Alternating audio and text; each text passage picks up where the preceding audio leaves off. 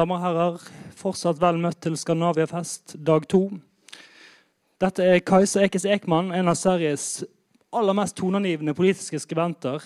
Eh, hennes bøker har blitt oversatt til en rekke språk. Hun foreleser verden over om kapitalisme, kriseteori og trafficking. Eh, og hun er også journalist og lederskribent på dagens ETC. Og ja, Du skal få lov å presentere komplekset eh, selv, så jeg sier bare vær så god, Kajsa, og god fornøyelse. Tusen tack för introduktionen och för inbjudan och för att få se det här fantastiska biblioteket som ser ut som eh, ungefär fem svenska bibliotek i ett sammanslagna. För här finns verkligen allting. Um, alla som har lyssnat på Showan Chatak här nere i kaféet uh, vet att idag råder det inget tvivel om att fascismen är tillbaka och att den måste bekämpas. Så det jag tänker tala om det är vad den är och hur vi kan bekämpa den. Ehm, fascismen är tillbaka i olika skepnader. Vi har gatufascismen som är den som Shoam blev utsatt för. Beväpnad med knivar och andra tillhyggen som går ut och terroriserar folk på stan. Vi har den terroristiska fascismen som ni lärde känna i Norge i form av Breivik. Som vi har lärt känna i Sverige i form av Lasermannen och Peter Mangs. Och vi har också den parlamentariska fascismen. Här blir det alltid lite svårare att definiera. Vad är fascism? Vad är inte fascism? Är Donald Trump fascist? Är Framskrittspartiet fascister? Är Sverigedemokraterna fascister? De flesta kan gå med på att Gyllene Dagry i Hellas är fascister. Men sen finns det alltid gränsfall. Men i min föreläsning kommer jag inte eh, lägga så mycket tid på att definiera och diskutera olika gränsdragningar. Utan när jag talar om fascism då talar jag om ett ganska brett begrepp som eh, rör sig ungefär i det hela högerpopulistiska spektrat.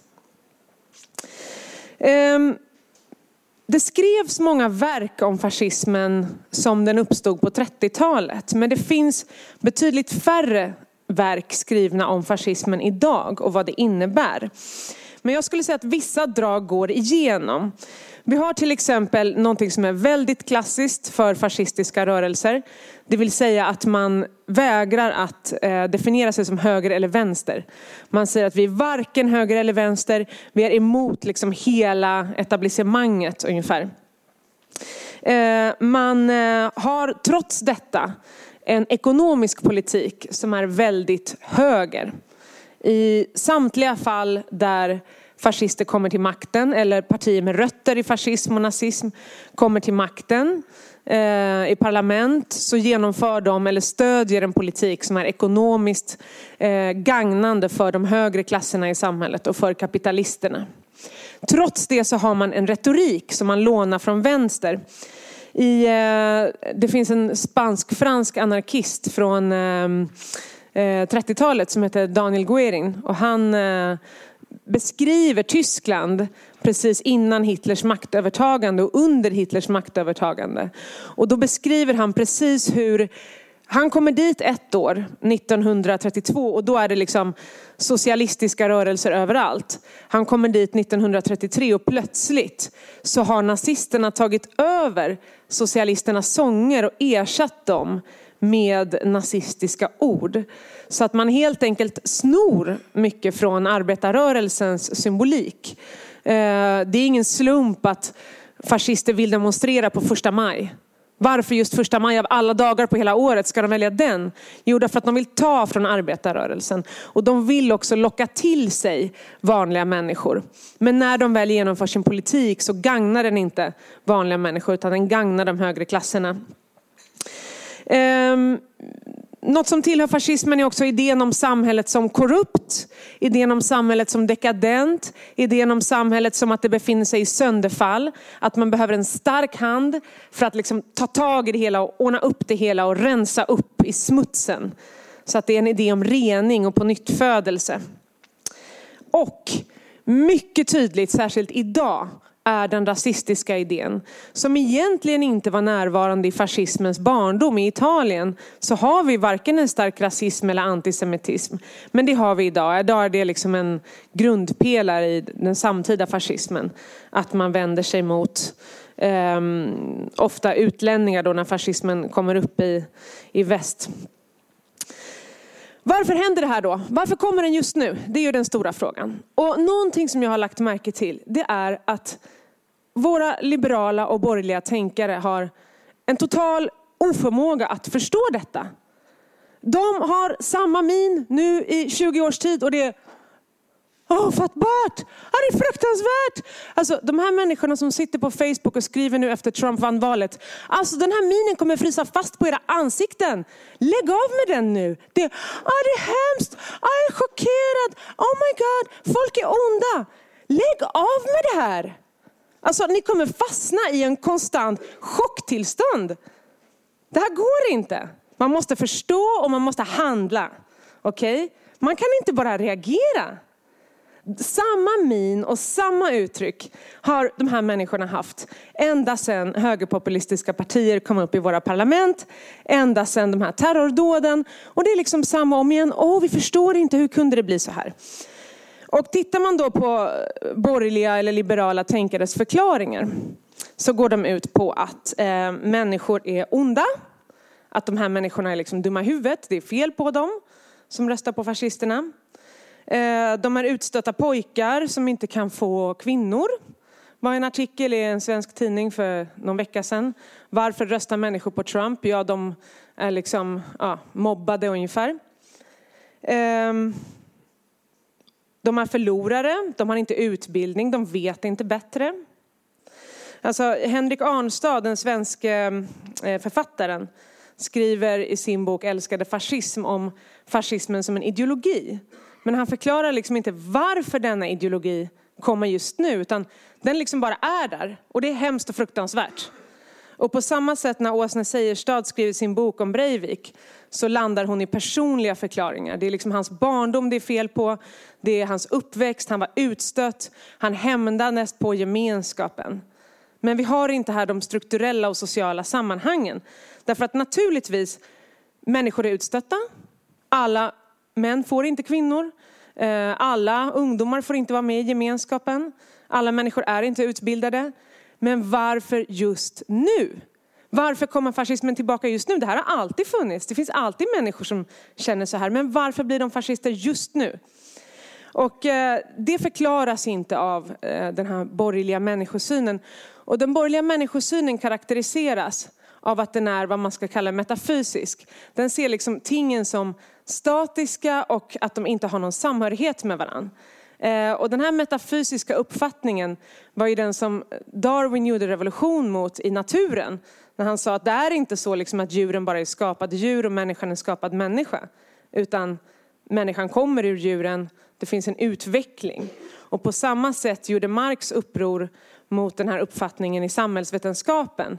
När han sa att det är inte bara så att ja, eh, ett samhälle är så och det har alltid varit så, det kommer alltid vara så. Utan någonting kommer ur någonting och blir någonting annat. Det finns en utveckling, det finns en dialektik, man kan förstå. Det finns orsak, orsak och verkan. Och eh, precis detta är det vi behöver om vi ska förstå varför fascismen har kommit tillbaka.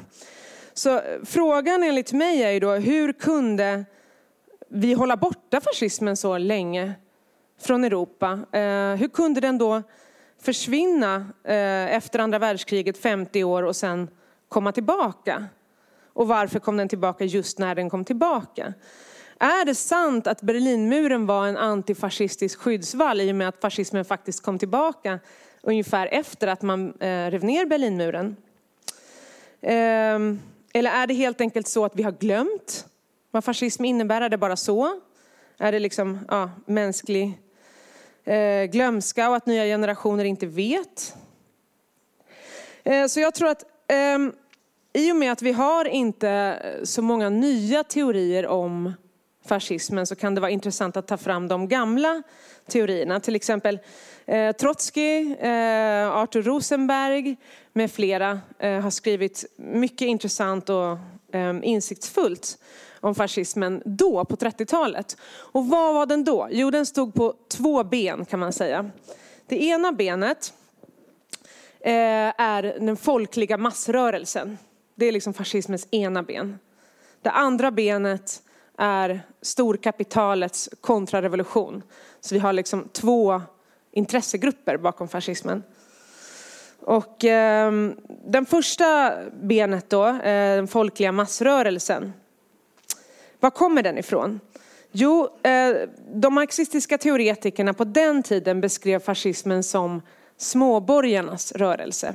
Det var alltså inte arbetarklassens rörelse, utan det var den grupp som befann sig lite över arbetarklassen, alltså människor som hade kanske en egen affärsrörelse, en egen butik, bönder och så vidare. Alltså människor som ägde någonting, men inte för den skulle vara kapitalister, utan ägde en mindre rörelse kanske, eh, affärsrörelse. Eh, medan mm, eh, arbetarrörelsen då liksom talar till människor som bara säljer sin arbetskraft för överlevnad.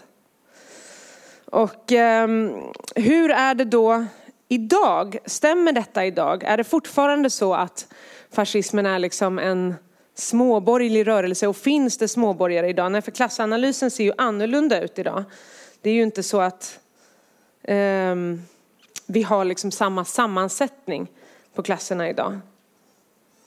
Eh, men jag skulle säga att mönstret är ändå ganska likt. Därför att Tittar man på vilka människor som söker sig till fascistiska rörelser så ser vi att det inte det är inte de fattigaste i samhället. Det är inte liksom de egendomslösa, utan det är människor lite över. Eh, det är inte liksom de rikaste, det är inte den övre medelklassen framför allt, men det är inte heller de allra fattigaste, utan det är människor liksom någonstans däremellan. Och vad karaktäriserar liksom deras känsla? Jo, det är en känsla av ilska och förlust. Det är en känsla av att jag har haft något, jag har rätt till någonting och jag håller på att förlora detta. Och det här är en väldigt annorlunda känsla än vad proletariatet eller vad liksom de mest utsatta känner. För de känner inte än att de har haft någonting som de har förlorat eller är på väg att förlora. De upplever inte denna känsla av förlust. Utan, eh, och upplever inte heller denna känsla av berättigande, av sårat berättigande. Att liksom, jag ska ha rätt till det här men någon tar det ifrån mig. Och det eh, är en likhet mellan 30-talets fascism och, eh, och vår tids. Att just det här att den här liksom sårade då småborgerligheten eller etablerade arbetarklassen eller medelklassen som blir fascister, de ehm, vänder sig neråt. Så var det då också. Eh, man vänder sig mot människor som är under en själv. Det är liksom den främsta fienden. Då var det arbetarklassen och idag är det invandrarna. Men man slår neråt. Man är förbannad. Man säger att inga bidrag till er. Eh, ni ska inte få komma in. Ni ska inte få det här. Ni tar något som är mitt. Ehm, så det är liksom den ena Eh, det ena benet så att säga.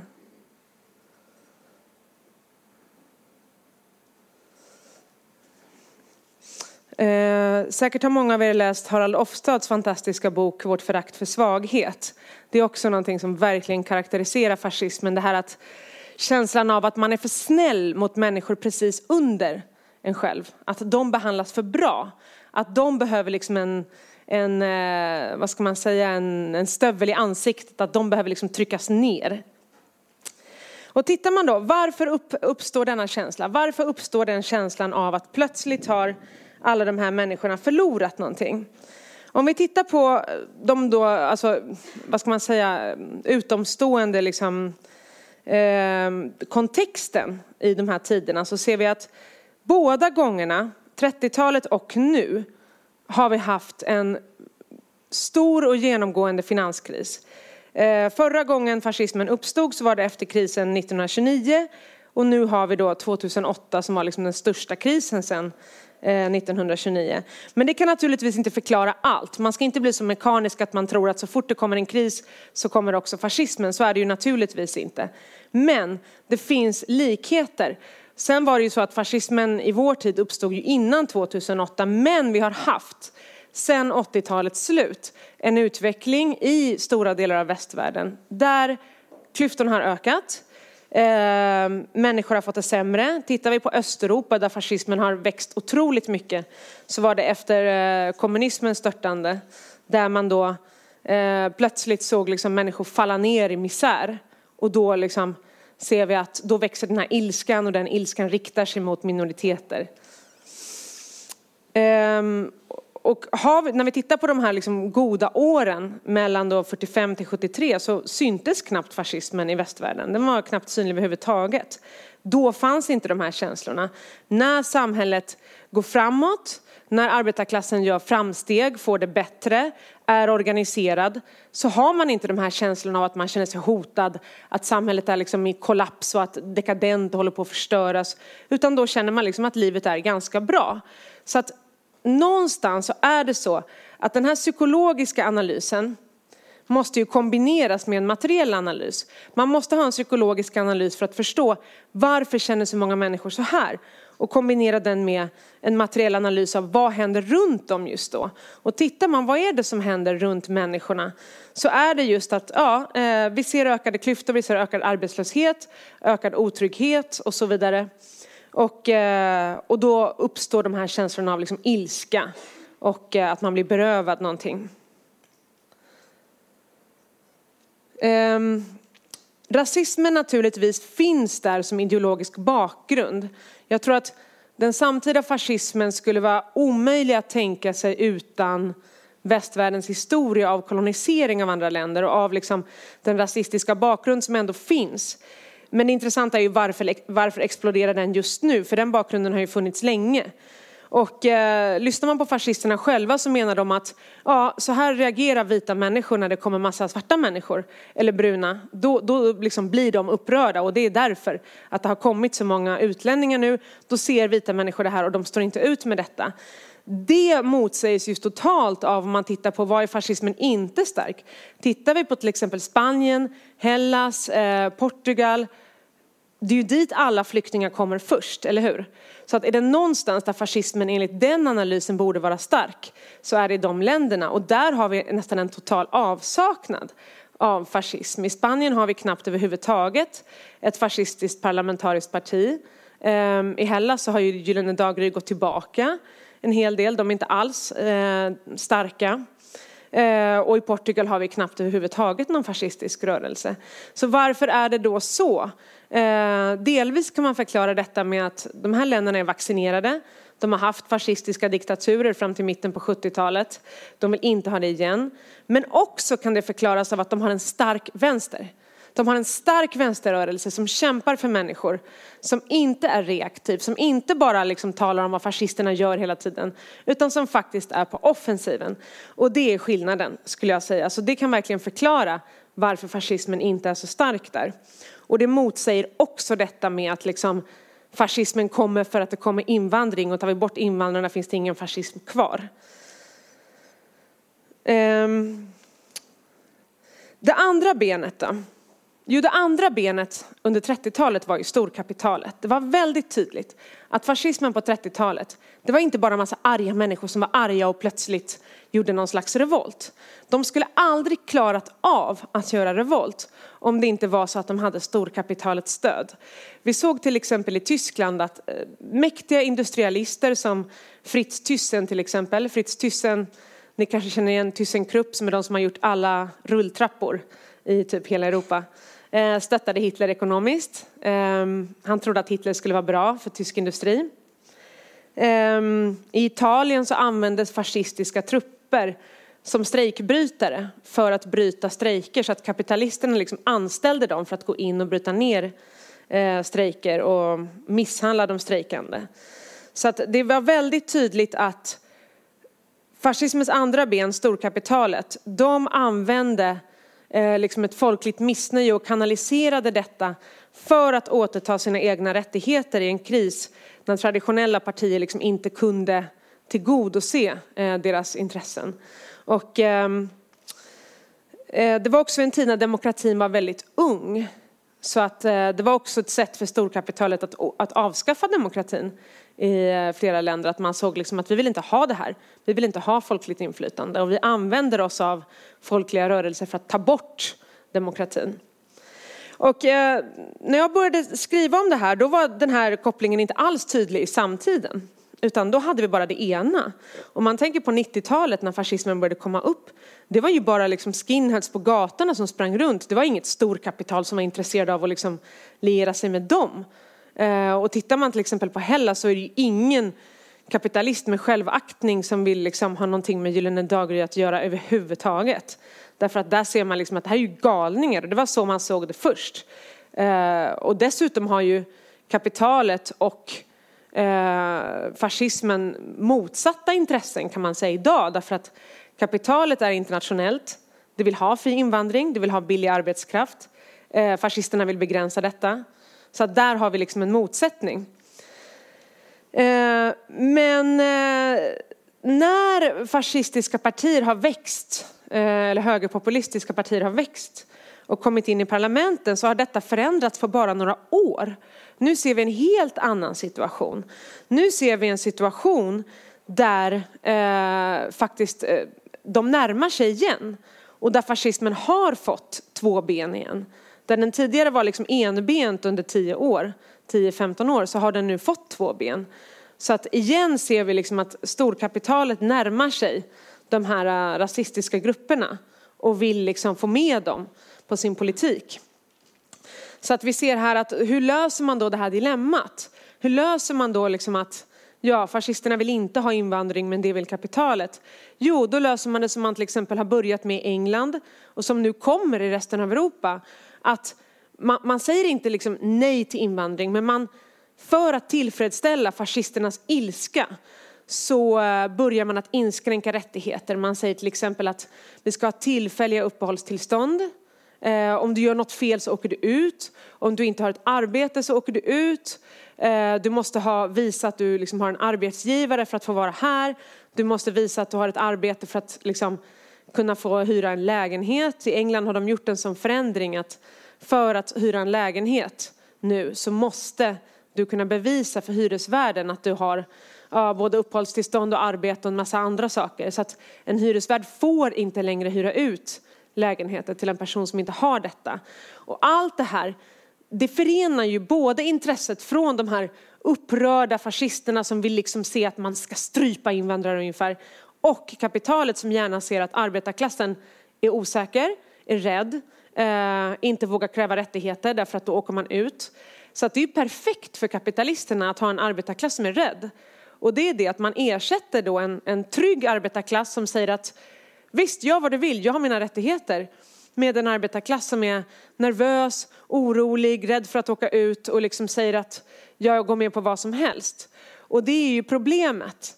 Att de i arbetarklassen som tror att liksom fascisterna är på deras sida förstår ju inte att det här är en attack på hela arbetarklassen därför att alla får det sämre när man eh, gör så här.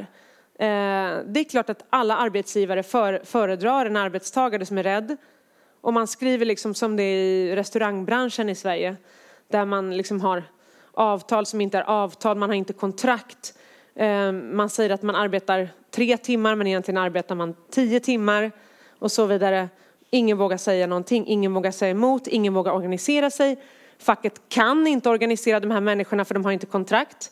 När de kommer till facket och säger att eh, min arbetsgivare gör så här. Då svarar facket, gå och få ett kontrakt och sen kommer du tillbaka. Om jag får inget kontrakt. Och om man inte får kontrakt, ja, då kan man inte heller få uppehållstillstånd. Och så blir det liksom en ond cirkel.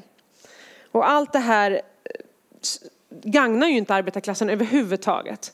Men det gagnar kapitalet och emotionellt så tillfredsställer det fascisterna därför att de tycker att haha, liksom, nu jävlar får de vad de tål ungefär. Ehm, så att vi, vi ser nu att det här växer ut igen och att fascismen återigen börjar liksom likna väldigt mycket ehm, 30-talets fascism. Så jag skulle säga att om vi ska hårdra hela situationen i västvärlden så har vi idag tre huvudkrafter. Vilka är de? Jo, vi har eh, det traditionella etablissemanget första kraften. Det är antingen socialdemokrater eller liksom konservativa som hittills har då garanterat den nyliberala ordningens eh, liksom, säkerhet. Eh, I USA kan man säga att liksom hela Clintons representerar det här och Bush också. Att det är, liksom, det, är det traditionella etablissemanget. Eh, de kan gå med på liksom, om de är beroende på om de är socialdemokrater eller liksom höger så är det liksom lite förändringar hit och dit men i stort sett är det ungefär samma program som har skapat de här stora ojämlikheterna som vi har sett. Den andra kraften, eh, socialisterna, representerar arbetarklassen, eh, facklig kamp, social revolution, jämlikhet och gemensamt ägande.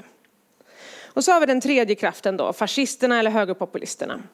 Som jag sa, de stödjer storkapitalet ekonomiskt, eh, men de för krig i verkligheten mot de allra fattigaste, eh, mot invandrare, särskilt mot papperslösa, men använder sig av en vänsterretorik och eh, tar över liksom arbetarrörelsens ilska.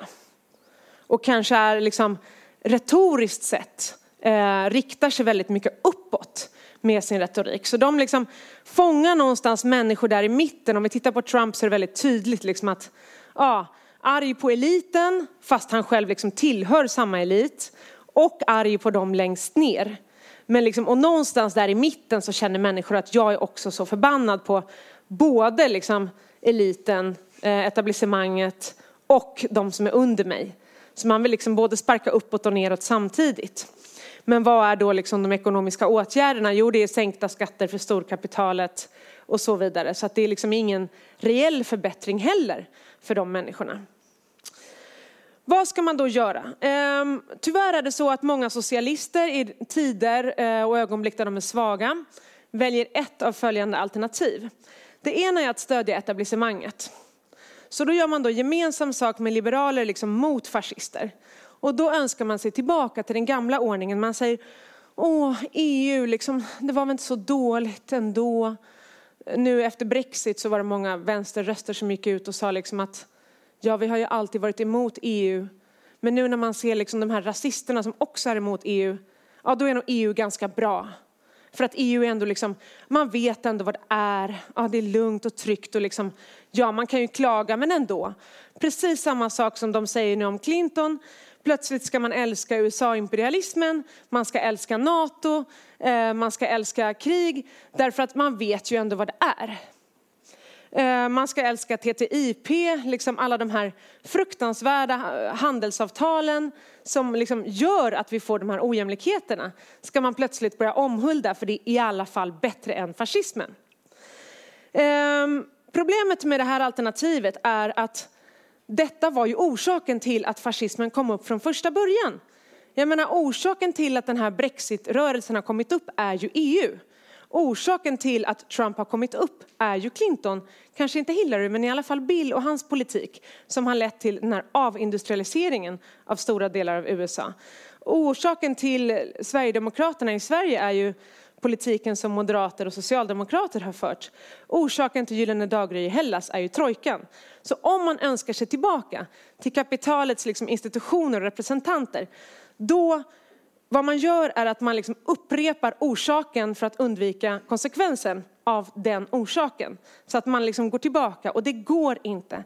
Det där är en död väg eh, för alla progressiva skulle jag säga. Gör man det, då är liksom hela ilskans väg öppen för fascisterna. Det andra alternativet eh, som vissa inom vänstern gör, det är att stödja fascisterna. Eller i alla fall slicka deras stövlar. Då man säger att de är folkliga i alla fall. De representerar i alla fall arbetarklassen. Man försöker ta över några av deras paroller. Man försöker närma sig under förevändning av att vi ska ha dialog. Vi ska lyssna på dem. Ja, de är i alla fall människor. Vi kanske kan förstå varann och kanske ska vi ändå ha lite mer begränsad invandring och så vidare. Eh, problemet med detta eh, är att man eh, naturligtvis närmar sig fascisterna. De för ju inte dialog med oss. De är ju inte intresserade av att närma sig vänsterns paroller. De är inte intresserade av att lyssna. Utan det enda som händer är att man ger fascisterna rätt. Att man ger dem mark. Och att man indirekt då bevisar att det här är liksom vägen. Och att man då sviker de skikt i samhället som fascisterna inte representerar, det vill säga de som är allra lägst ner eh, inom arbetarklassen.